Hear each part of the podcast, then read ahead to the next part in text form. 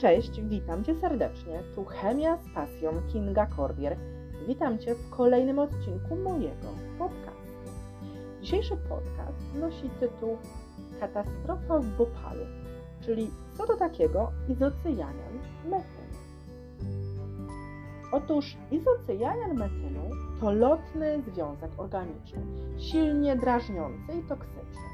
W temperaturze pokojowej jest bezbarwną cieczą, o nieprzyjemnym zapachu. Zapytacie, dlaczego o nim wspominam? Być może nie każdy słyszał o katastrofie w Bopalu.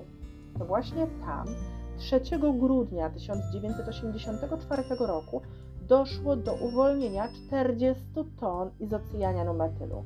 Związek ten został uwolniony w postaci gazu z fabryki pestycydów firmy Union Carbide.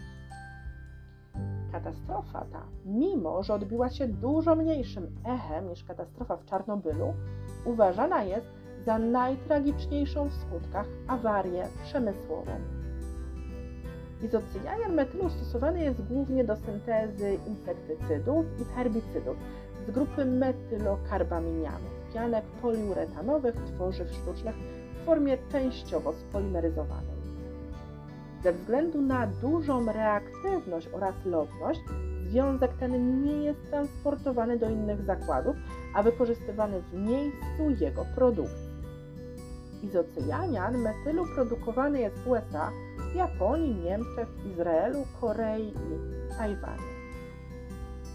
No dobrze, coś się w takim razie stało w Bopalu. Przyczyną emisji było przedostanie się wody do zbiorników z izocyjanianem metylu wskutek nieszczelnej izolacji. Wywołało to egzotermiczną reakcję. Temperatura dochodziła do 350 stopni Celsjusza. Katastrofa ta spowodowała wówczas śmierć, uwaga, ponad 18 tysięcy ludzi. Główną przyczyną zgonów osób narażonych na izocyjanian metylu było zatrzymanie akcji serca spowodowane ciężkim obrzękiem płuc. Izocyjanian metylu jest silnie toksyczną substancją. Katastrofa w Indiach została przedstawiona w roku 1999 w indyjskim dramacie Bhopal Express oraz w 2014 roku w koprodukcji indyjsko-brytyjskiej pod tytułem Modlitwa o deszcz.